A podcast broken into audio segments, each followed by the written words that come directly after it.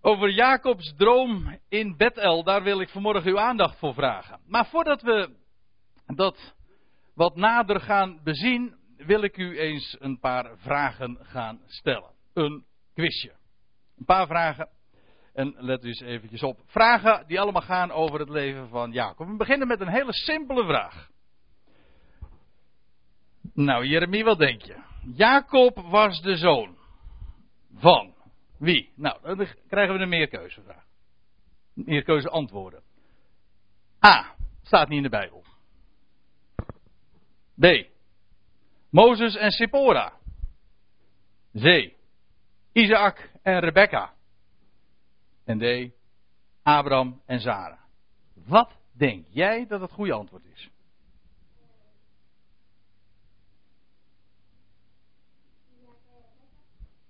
Je hebt het geweldig goed. Kijk maar. Isaac en Rebecca. Wat een bijbelkennis hier in deze zaal. Het is niet te geloven. Ehm, de, vraag, de vragen worden wat moeilijker. Uh, wat was zo bijzonder bij de geboorte van Jacob? Fris even uw geheugen op. Jagin, jij gaat speciaal staan, zie ik. Wat denk je? Nou. Er werd een, het eerste antwoord. Er werd een scharlakenkoord om zijn hand gebonden. Antwoord B. Zijn moeder overleed, bij de geboorte. C. Hij lag dwars bij de geboorte. En D. Hij hield de hiel vast van zijn tweelingbroer. Wat denk jij, Jagin?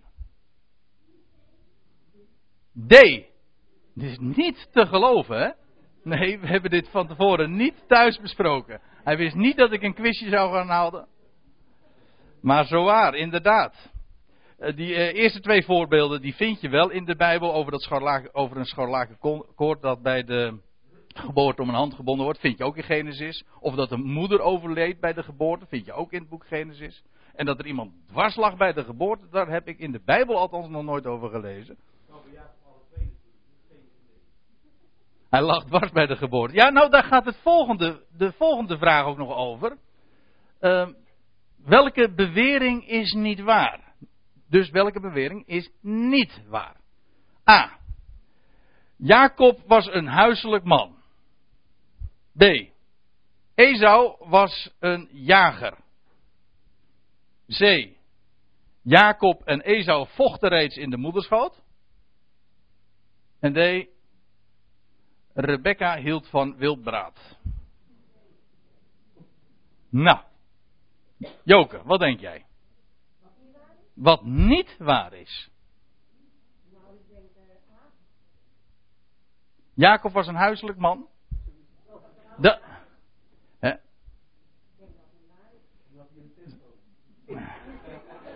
Ja, nou, als je de MBG-vertaling. Eh, hij,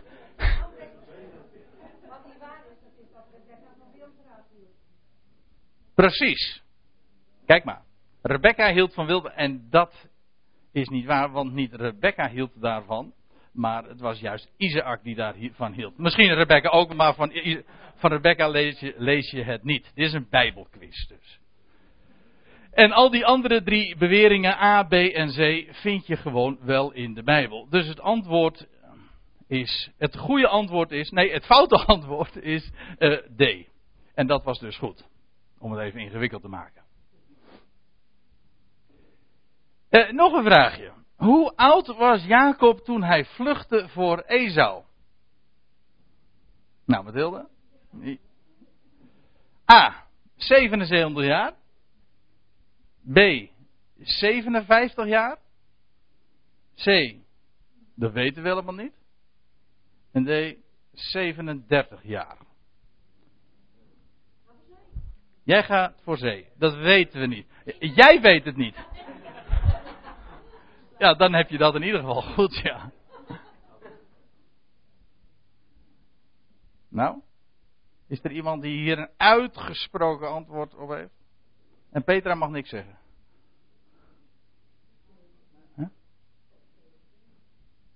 Jij denkt van A. Eens even kijken hoor. Ja! 77, ja, had u niet gedacht hè? Nou, het staat ook niet direct in de Bijbel zo vermeld, maar het kan wel uit de Bijbel berekend worden. Ik zal u die hele rekensom besparen. Want we weten dat eh, hoe oud Jacob was toen hij in Egypte kwam. En dan lees je dat Jacob inmiddels al 39 jaar oud was. En dan is het een kwestie van terugrekenen. Er was dus Jacob 91 jaar toen Jozef geboren werd. En toen Jozef geboren werd, toen was hij al 14 jaar bij Laban. Dus trek daar van die 91 nog eens 14 jaar af. En dan kom je inderdaad op 77 jaar. Dat was de, het jaar dus dat hij vluchtte voor zijn broer Esau. Ja, 77 jaar. Maar die mensen werden toen de tijd nog veel ouder. Niet zo oud meer als, uh, als een aantal eeuwen daarvoor. Maar toch, bijvoorbeeld uh, groot, grootvader Abraham, die is nog 175 jaar oud geworden. En in die eeuwen is de mensenleeftijd enorm sterk uh, gedaald. Maar toch nog, Jacob, nou ja, zoals ik gezegd heb, 77 jaar. En hij was 130 jaar dat hij bij, bij Jozef in Egypte kwam. Nog één vraagje. Jacob vertrok naar oom Laban, want, en dan moet u weer het foute antwoord zien te ontdekken. A. Hij was bang dat Esau hem zou doden. B. Hij kreeg dit advies van zijn moeder, Rebecca dus. En C. Hij zocht ander werk. En D. Hij zou een vrouw zoeken. Daar. Hij kreeg het advies van zijn moeder. Dat is, dat is een fout antwoord, Annemarie. Dus hier, drie antwoorden zijn dus goed. En wat is dus het foute antwoord? C. Ja, inderdaad. C is het foute antwoord. Hij zocht geen ander werk. En al die andere drie dingen staan inderdaad zo vermeld in de Bijbel.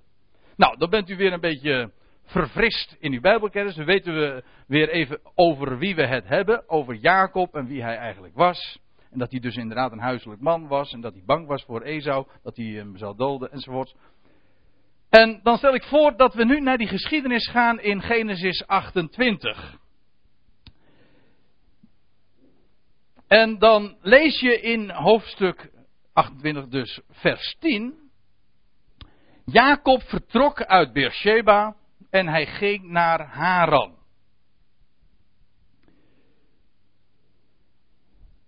De voorgeschiedenis, die kent u. Jacob is op de vlucht. Groot conflict thuis.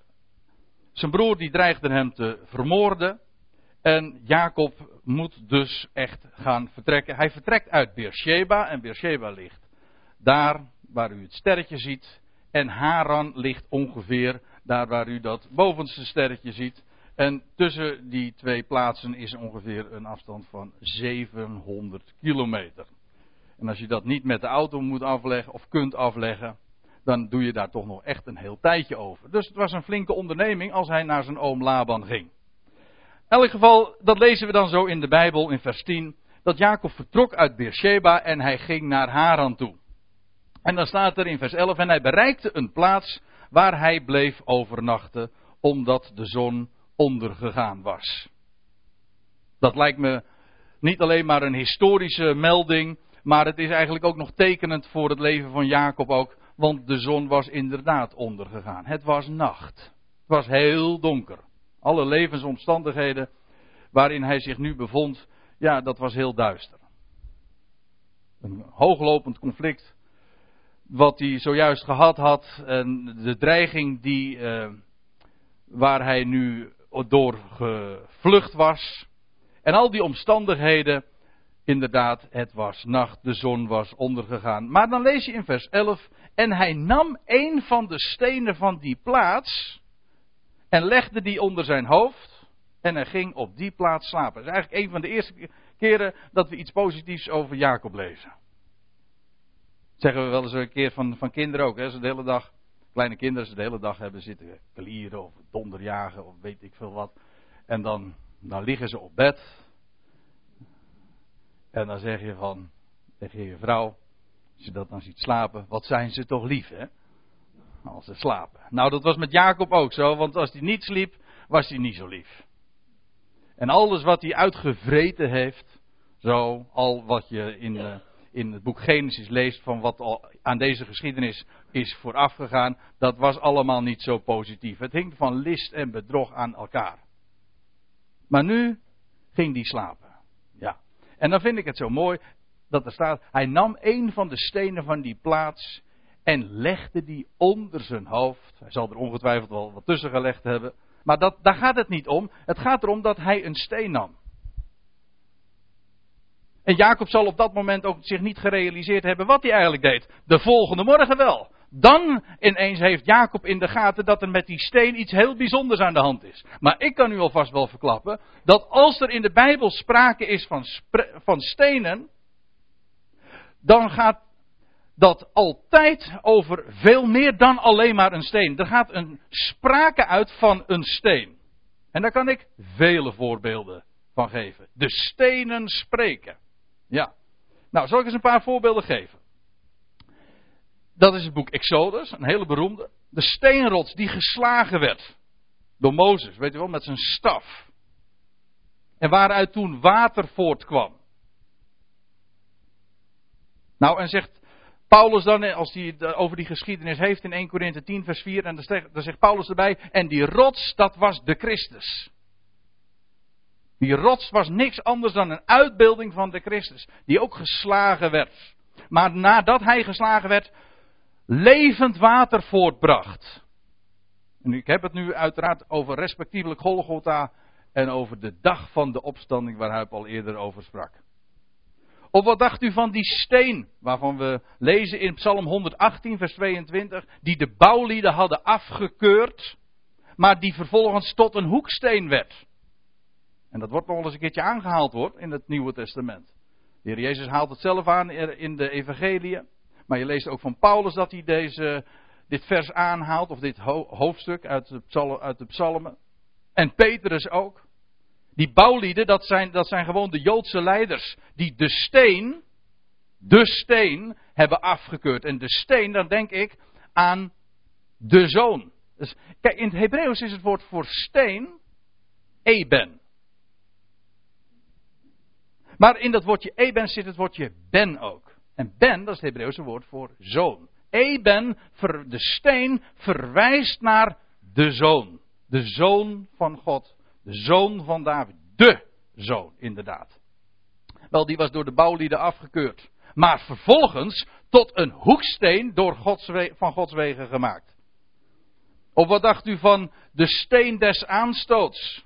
Of ook wel genoemd de rots der ergernis.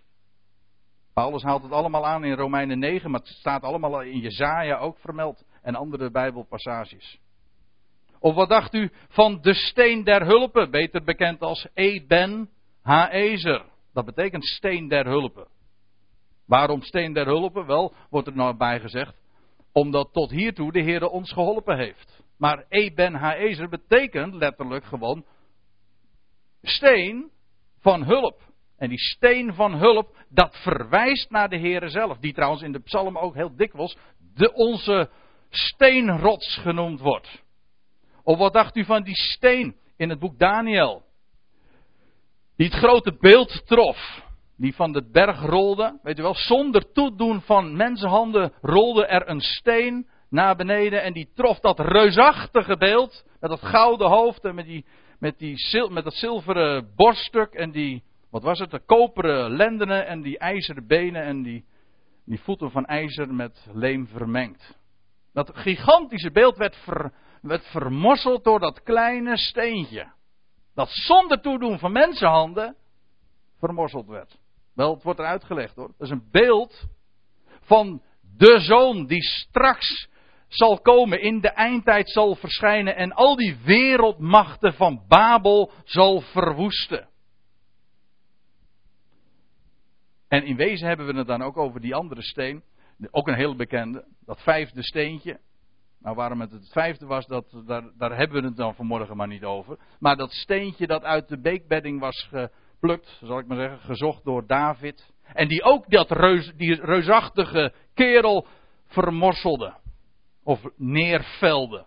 In wezen is Goliath niks anders dan als een uitbeelding van dat, van dat beeld wat ook Daniel, of wat Nebukadnezar in zijn droom gezien had.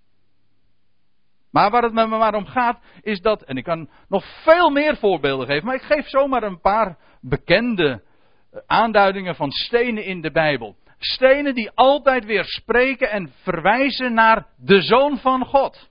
En als we dan lezen van Jacob dat hij een steen nam en hij legt zijn hoofd daarop en hij gaat slapen, dan gaan er dingen gebeuren. Dat, kun je, dat kon je op voorhand al weten. Als je een beetje wat weet van, van typologie en de diepere betekenis in de Bijbel, dan, ja, dan kun je dat gewoon uh, op je vingers uittellen. Dat, zo moet dat gaan. Want de steen spreekt van de Zoon van God en Jacob, ik zei al, het is de eerste keer dat we echt iets positiefs over hem lezen. Hij legt zijn hoofd op een steen. Op de steen. En dat er inderdaad iets bijzonders mee aan de hand was, nou dat zou wel vanzelf blijken. En Jacob heeft het zich later ook wel gerealiseerd. Ja. Nou ja. En dan staat er in vers 12, want we lezen verder. Toen droomde hij en zie, op de aarde was een ladder opgericht. Nou, een ladder, dan denken we meteen aan zo'n simpele aluminium of houten constructie. Maar het is, het is een trap. En als u het mij vraagt, een stenen trap. Het Hebreeuwse woord is vermoedelijk ook nog verwant met, met het, met het Hebreeuwse woord voor, voor rots. Sela, Sulam. Maar in ieder geval, een, ik denk ook inderdaad aan een stenen trap. Nou ja, hij ziet daar een, een trap opgericht op de aarde. En dan staat er waarvan de top tot aan de hemel reikte. Hé, hey, dat vinden we nog meer in de Bijbel.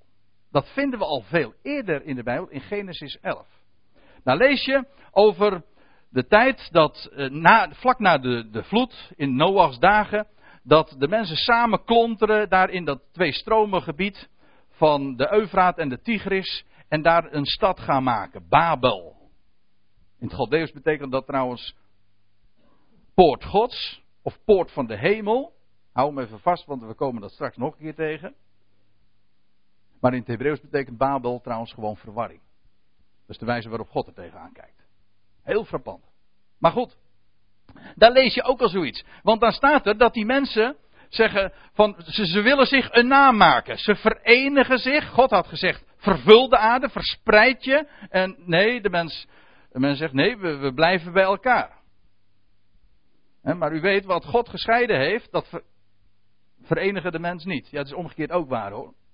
Maar God had gezegd, verspreid je. Maar nee, zegt de mensen, wij, wij, wij blijven bij elkaar, want wij gaan onze naam maken. En dan staat er, en de tichel diende hun tot steen. Tichel is gewoon baksteen. Een steen die de mens zelf maakt. Jacob ging niet op een tichel liggen. Of hij legde zijn hoofd niet op een tichel, op een baksteen. Nee, op een steen die zo voorhanden was. Die, zo, die God zelf, zal ik maar zeggen, gemaakt heeft. Een, een steen uit de natuur. Maar hier, lees je over tichel. Bakstenen. De, de, tichel diende hun tot steen. En dan zeiden zij, ook zeiden zij, welaan, laten wij ons een stad bouwen met een toren waarvan de top tot de hemel reikt. Nou, u weet wat er van gekomen is. Ze zijn niet ver gekomen. En de mens maakt zichzelf dus een toren. Hij wil de hemel bereiken. En hij is daardoor zelf drukdoende, maakt zelf stenen, bakt, hij bakt er maar wat van, maar hij bakt er uiteindelijk niet veel van. Hij, het, het lukt hem namelijk niet. Het lukt de mensheid niet om dit ideaal te bereiken. Om dat zelf te doen. Maar wat Jacob nou ziet, is de droom die daar ooit daar in Babel was, hij ziet het vervuld. Hij ziet hier inderdaad een trap die, waarvan de top tot de hemel reikt. En dan staat er nog bij in vers 12: En zie, engelen Gods klommen daar langs op en daalden daar langs neer. Dat vinden we nog een keer in de Bijbel. Ik zei u al, die steen spreekt, stenen in de Bijbel spreken altijd van de Zoon van God. Maar die stenen trap, het zal u niet verbazen. Die stenen trap verwijst ook naar niemand anders. Naar Hem die de verbinding heeft gelegd tussen de aarde en de hemel die hemel en aarde verenigt tezamen. Die de eenheid tot stand brengt. Die er inderdaad voor zorgt dat de aarde in verbinding komt en de mensheid in verbinding komt met God. Dat is niet door eigen makelij, of door eigen arbeid. Nee, God doet dat. Er is een, er is een stenen trap opgericht. Opstanding is dat trouwens. Op de aarde en daardoor is die weg naar de hemel bereikbaar. Omdat God dat doet. En dat verzin ik niet, dat staat gewoon letterlijk zo in de Bijbel. De Heer Jezus heeft dat ooit tegen Nathanael gezegd. In Johannes 1, vers 51 staat er. En hij, dat is de Heer Jezus, die zeide tot hem, Nathanael, voorwaar, voorwaar, ik zeg u lieden, je zult de hemel open zien. Precies wat Jacob ook gezag in zijn droom. Je zult de hemel open zien. En de engelen gods opstijgen en neerdalen op de zoon des mensen. Dus wat Jacob zag, dat engelen gods opstegen en neerdaalden op die trap, die op de aarde was opgericht. Maar de, maar de Heer Jezus spreekt over die engelen gods, die, die stijgen op en die dalen neer op de zoon des mensen. Kortom, die stenen trap is niets anders of niemand anders dan de zoon, de zoon, Eben, de zoon des mensen. Zie je? Hij is het die de verbinding brengt tussen hemel en aarde. En die trap die Jacob zag, is niks anders dan de Heer Jezus Christus. Ach, ik zal u daar nog heel wat meer bewijzen van geven. Maar laten we eens eventjes nog verder lezen. In vers 13 staat dan, en zie, de Heere stond bovenaan en hij zeide, ik ben de Heere, de God van uw vader Abraham en de God van Isaac. Het land waarop jij ligt, zal ik aan u en uw nageslacht geven. Het is zo mooi wat, wat er dan hier staat. Hè? God belooft alleen maar. Geen woord van verwijt klinkt hier. Niet van Jacob, Jacob, waar ben je nou toch weer mee bezig geweest? En dat had toch helemaal niet nodig geweest? En wat ben je nou voor een oen? Of. Niets. Helemaal niets. Alleen maar belofte krijgt, uh, krijgt Jacob te horen. Zeven stuks. Tel ze maar na. Maar dan vind ik het zo mooi eh, dat, dat God zich dan voorstelt. Ik ben de Heer, de God van je vader Abraham en de God van Isaac. En dat land waarop jij ligt, dat zal ik aan u en uw nageslag geven. Vind ik zo mooi, hè? Waarop je ligt. Ligt te slapen. Jij denkt maar zoveel te moeten doen. En, en, en, een lekkere soep voor je broer maken. En om dan weer een deal te maken om iets te verwerven. Waarvan op voorhand al vast stond dat je het toch wel zou krijgen. Maar Jacob dacht dat allemaal zelf te moeten doen. En nou, nou krijgt hij een droom. En het is zo duidelijk dat dat een droom van Gods wegen is. En God zegt hem: Dat land waarop jij ligt, dat zal ik aan jou geven.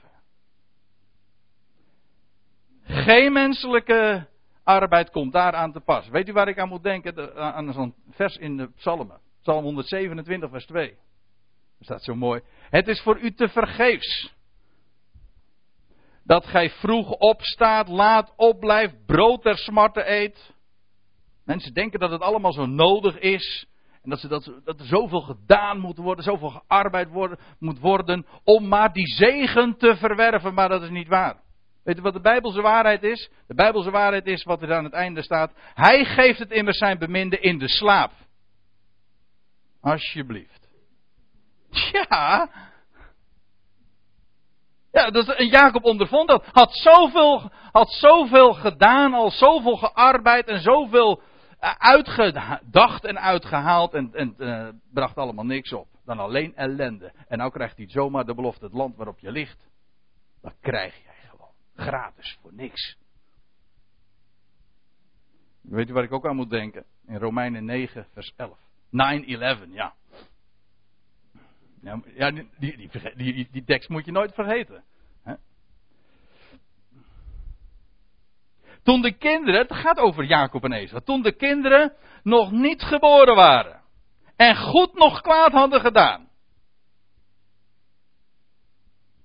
opdat het verkiezend voornemen van God zou blijven.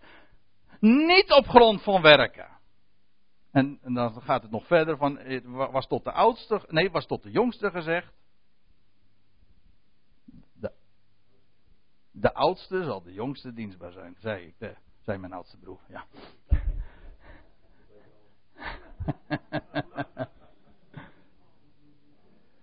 Maar is er iemand eh, trouwens bereid om eventjes een glaasje water voor mij eh, te halen? Normaal gesproken staat hier al zoveel water en, en, en nu helemaal niks. Hè?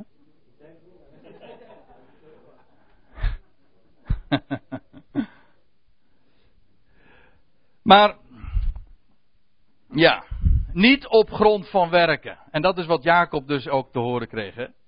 Hè? Dat land waarop jij ligt, dat zal ik aan u en uw nageslacht geven geven.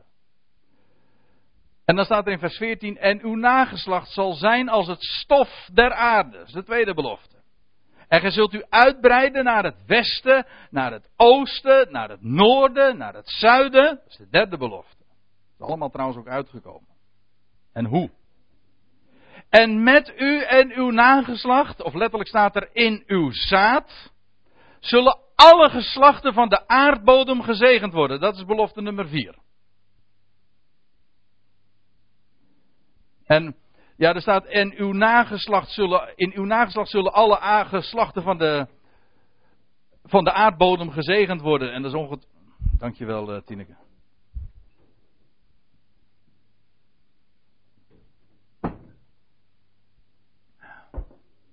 Ik zie u allemaal zo jaloers kijken, maar.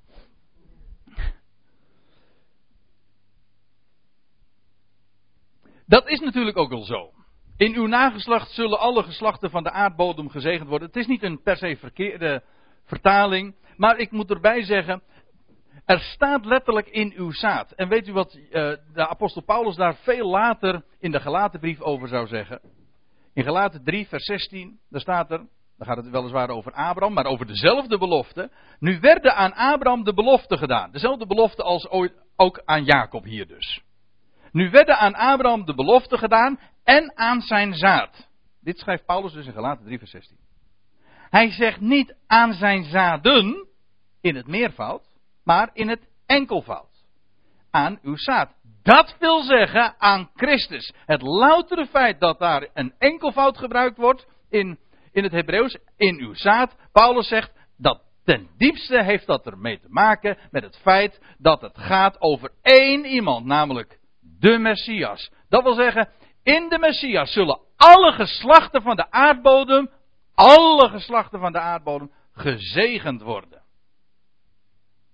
God is niet benauwd. Als God iets belooft, dan doet hij het goed en dan doet hij ook totaal. En dan neemt hij de tijd daarvoor en zoekt, hij roept eerst een volk daarvoor uit. In dit geval ook. Jacob wordt daarvoor bestemd, in het huis van Jacob. En God kiest uit, jawel, maar waarom kiest hij uit? Niet omdat hij maar een enkeling zo op het oog heeft. Nee, hij wil juist door middel van die enkelingen en door middel van degene die die roept, heel de wereld zegenen en redden.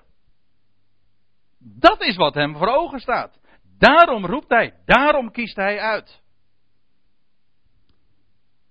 En dan staat er in vers 15, ik lees verder, en zie, ik ben met u. En ik zal u behoeden. Overal waarheen gij gaat. Dat is de vijfde belofte. En ik zal, het is allemaal ik zal, ik zal, ik zal. Niets waarbij de, aan Jacob een, een opdracht gegeven wordt. Alleen maar belofte.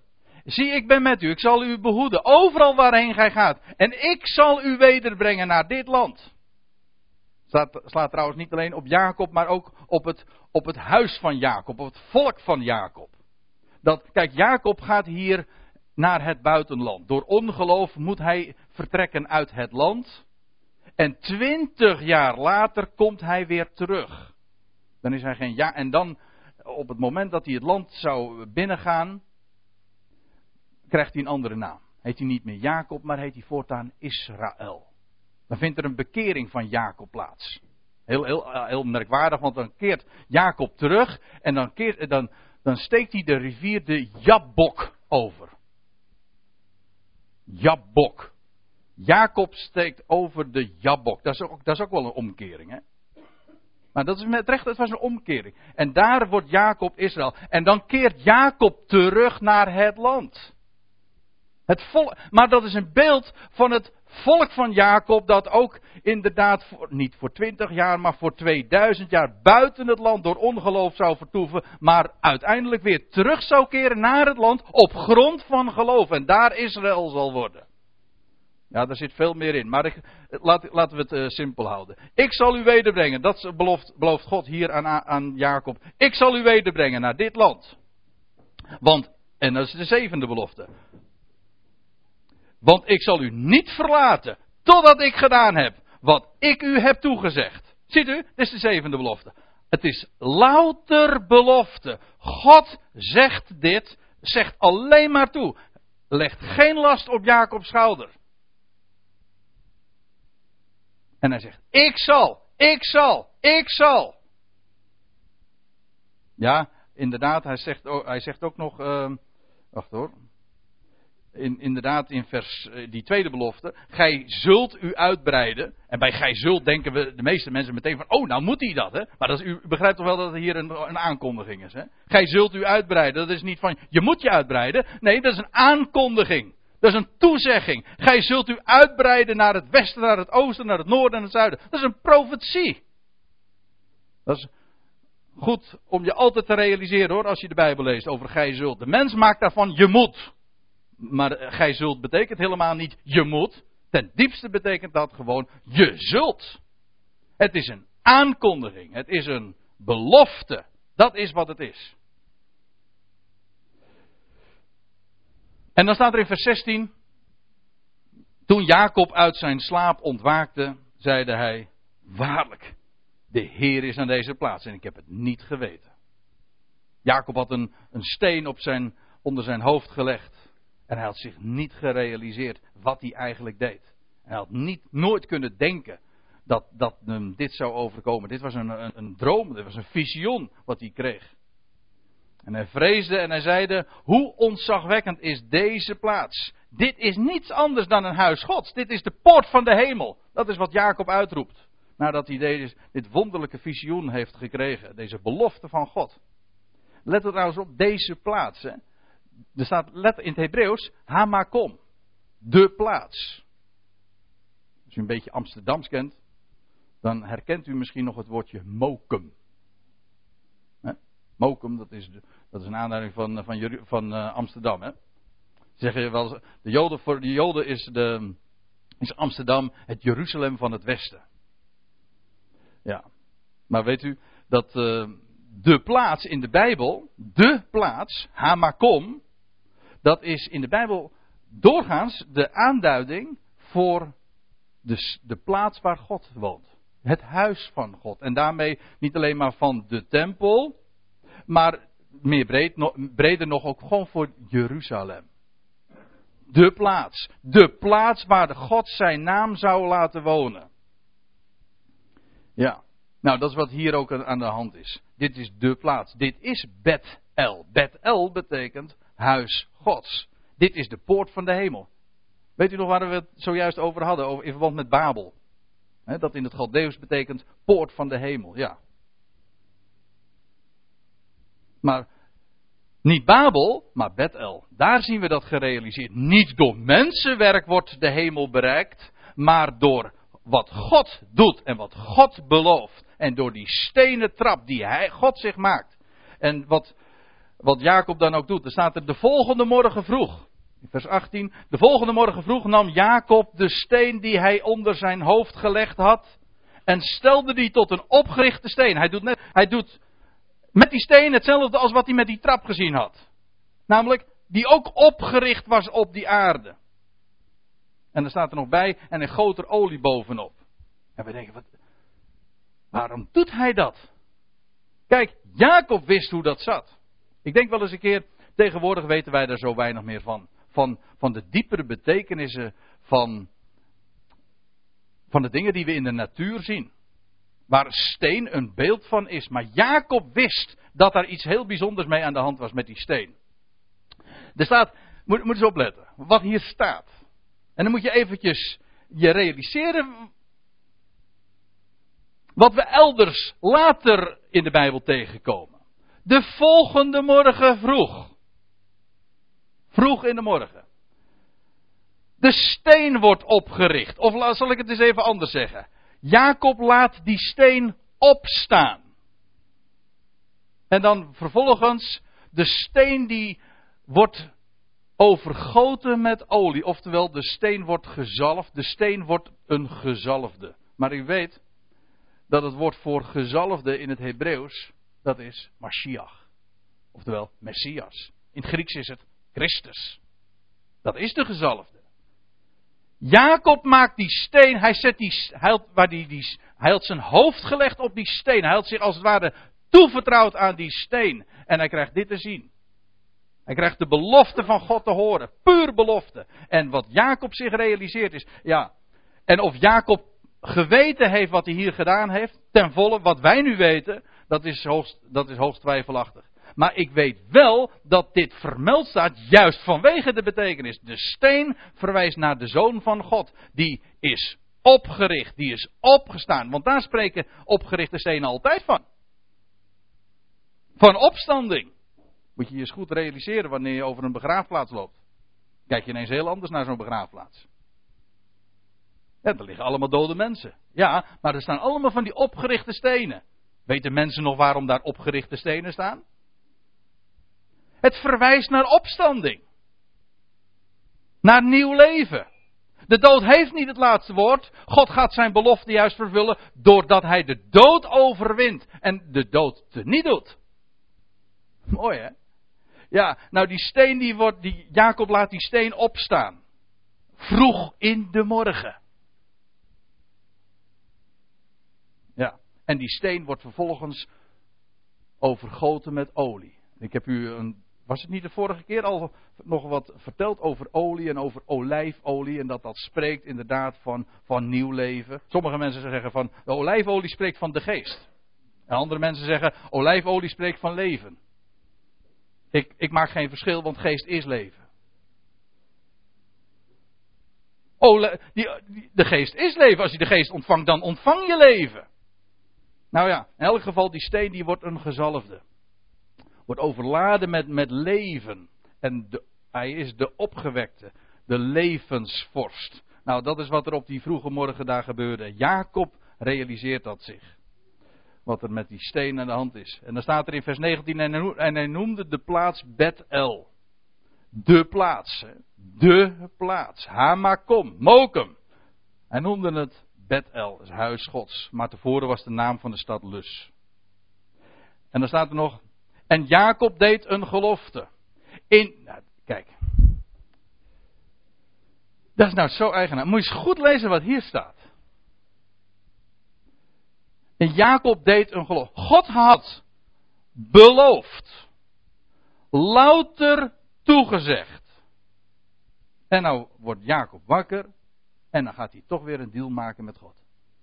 En gaat hij zelf weer wat doen. Hij gaat een, ook een gelofte doen. Hij projecteert als het ware zichzelf weer op God. Kijk, zelf was hij niet te vertrouwen. Maar dan denkt hij dat God ook niet te vertrouwen was. Nou zegt hij, indien God met mij zal zijn. En mij behoeden zal op deze weg die ik ga. En mij zal geven brood om te eten en kleren om aan te trekken. En ik behouden tot mijn vaders huis wederkeer. Dan zal de Heer mij tot een God zijn.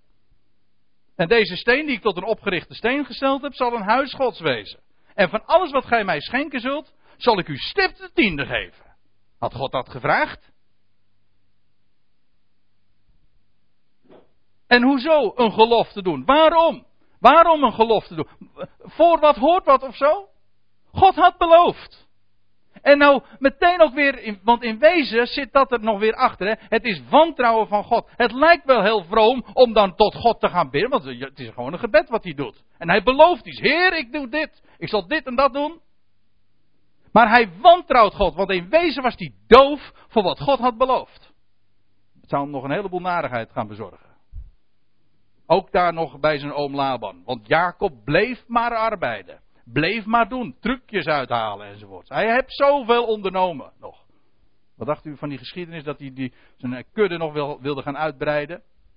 Die geschilde takjes en zo. Al die moeite die hij gedaan heeft. Jacob gaat een, een gelofte doen. Moet je nooit doen. God belooft.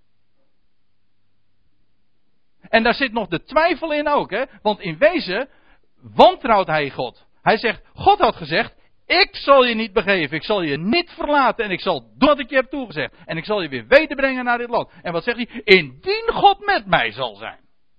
En mij zal behoeden op deze weg en die ik ga. En mij zal geven brood om te eten, kleren om aan, te dekken. En als ik dan weer behoud tot mijn vaders huis wederkeer. Nou, dan zal de Heer mij tot een God zijn. Ja. Ziet u dat die God in wezen gewoon wantrouwt? Hij had het gehoord, maar met een half oor. God had gewoon beloofd. En Jacob gaat toch weer zelf arbeiden. Is weer bezig met tichel, zal ik maar zeggen. Met bakstenen. Met misbaksels dus eigenlijk. Hè? Ja. Maar dat is typisch religie. Religie is, is wel heel vroom bezig. En, zegt, uh, en wil voor God van alles doen en ondernemen. Maar in wezen is men doof voor wat God zegt. En toezegt en belooft. Weet u waar ik daar nou moet denken? Kijk, we zullen het eventjes naar deze tijd brengen. Gods woord zegt, wij hebben de vergeving der zonde. Hm? Efeze 1. We hebben, wij hebben de vergeving in zijn bloed. En dan gaan we bidden. Heer, wilt u mijn zonde vergeven? Dus wij gaan vragen. Of wij, wij zetten een vraagteken daarmee. Achter het uitroepteken van God. God zegt: Je hebt de vergeving. En wij vragen: Heer, wilt u mij vergeven? Gods woord zegt: Ik zal u niet begeven, ik zal u niet verlaten. En wij bidden: Heer, wilt u met me zijn? Dat is raar. Gods woord zegt: We worden met alle kracht bekrachtigd. En wij bidden, heel vroom natuurlijk: Wilt u mij meer kracht geven? Maar begrijpt u dat je dan in wezen helemaal Gods belofte passeert. Oh, nog een voorbeeld. Gods woord zegt, en Paulus zegt dat in, in Filippenzen 4. Mijn God zal in al uw behoeften naar zijn rijkdom heerlijk voorzien. In al uw behoeften. En wij bidden heel vroom. Heer, wilt u mij geven wat ik nodig heb? Ja, maar ziet u het contrast? Het is precies hetzelfde als Jacob deed. Jacob Jacob die had de belofte gekregen. Allemaal beloften, allemaal toezeggingen. Ik zal het doen, ik zal het doen, ik zal het doen. En ik zal alles realiseren wat ik je heb toegezegd. En geen enkele opdracht. En, God, en, en, en Jacob staat op. En hij gaat weer zelf denken. En hij gaat zelf doen. En hij gaat een gelofte aan God doen. En zegt van nou, indien u dat dan doet. Nou dan, dan zal ik u betalen. Maar God wil helemaal niet betaald worden. God geeft namelijk gratis. Maar dan ook werkelijk volstrekt gratis. Mijn God staat er hier. En zal in al uw behoeften naar zijn rijkdom heerlijk voorzien. Dat is een belofte. Weet u wat de goede houding zou zijn? Als je die belofte van God ontvangt. Dan zeg je niet van Heer, wilt u mij vergeven? Nee, dan zeg je, dank u dat ik de vergeving heb. En dat u bij mij bent. Niet Heer, wilt u bij me zijn? Dank u dat u bij mij bent. En dat u mij meer dan genoeg kracht geeft. Voor vandaag en voor wanneer dan ook. En dat u me alles geeft. Wat ik nodig heb. Daar kun je God dan voor danken. Kijk, de vraag is. Wil je vroom zijn of wil je gewoon leven uit de belofte? Dat is de grote vraag. En leven uit de belofte is in de Bijbel geloof. Niet werken. Niet zelf dingen doen, maar aanvaarden wat God heeft toegezegd en daaruit leven. God belooft. Volstrekt om niet. En dus pas. De ene, weet je hoe je herkent, hoe je iemand herkent die uit genade leeft? Die dankt. Die dankt God voor wat hij ontvangt. En dat is overvloed. En niet alleen maar danken voor de belofte voor straks. Hè, want we hebben geweldige beloften. Hè, zoals Jacob die hier in wezen ook al in de, in de kiem kreeg. In uw zaad zullen alle geslachten van de aardbodem gezegend worden. En wij kennen dat evangelie van dat de dood er niet gedaan zal worden en dat hij de redder is van de wereld. Maar niet alleen belofte voor straks, maar ook belofte voor nu. Dat hij ons niet zal begeven, niet zal verlaten en dat zijn weg altijd de beste is. En dat hij ons alles geeft wat we nodig hebben. En dan kunnen mensen van alles tegen je uitrichten trouwens, dat had Jacob ook gerealiseerd hoor. Of in ieder geval heeft hij gemerkt. Dan komt hij bij zijn oom Laban en overal waar hij is, God, dan lees je, God was desondanks met hem. En probeert eh, Laban hem nog uh, uh, te benadelen en zo. Het lukte hem helemaal niet. Mooi hè? Maar voelt u, Jacob had de belofte.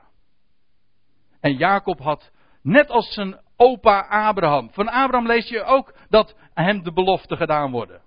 Exact dezelfde belofte. En weet je wat Abraham deed? Dat lezen we van Abraham. In Genesis 15, vers 6, zoek het maar na.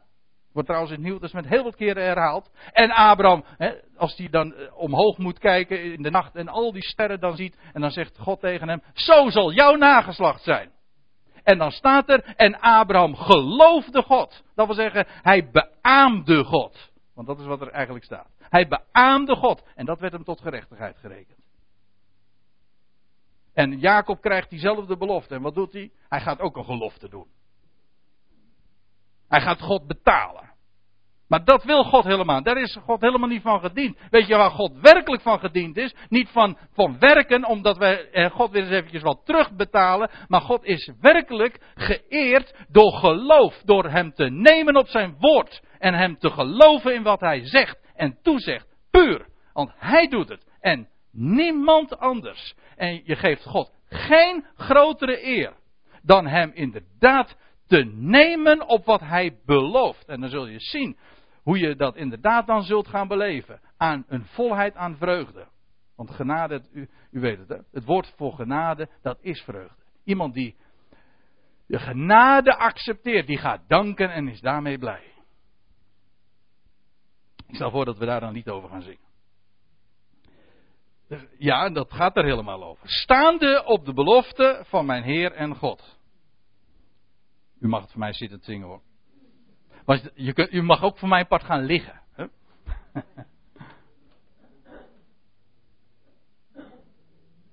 maar het gaat erom, die belofte van God. Daar, kijk, als de Bijbel ook over spreekt, over standvastig zijn, dan gaat het over staan op die belofte van onze Heer en God.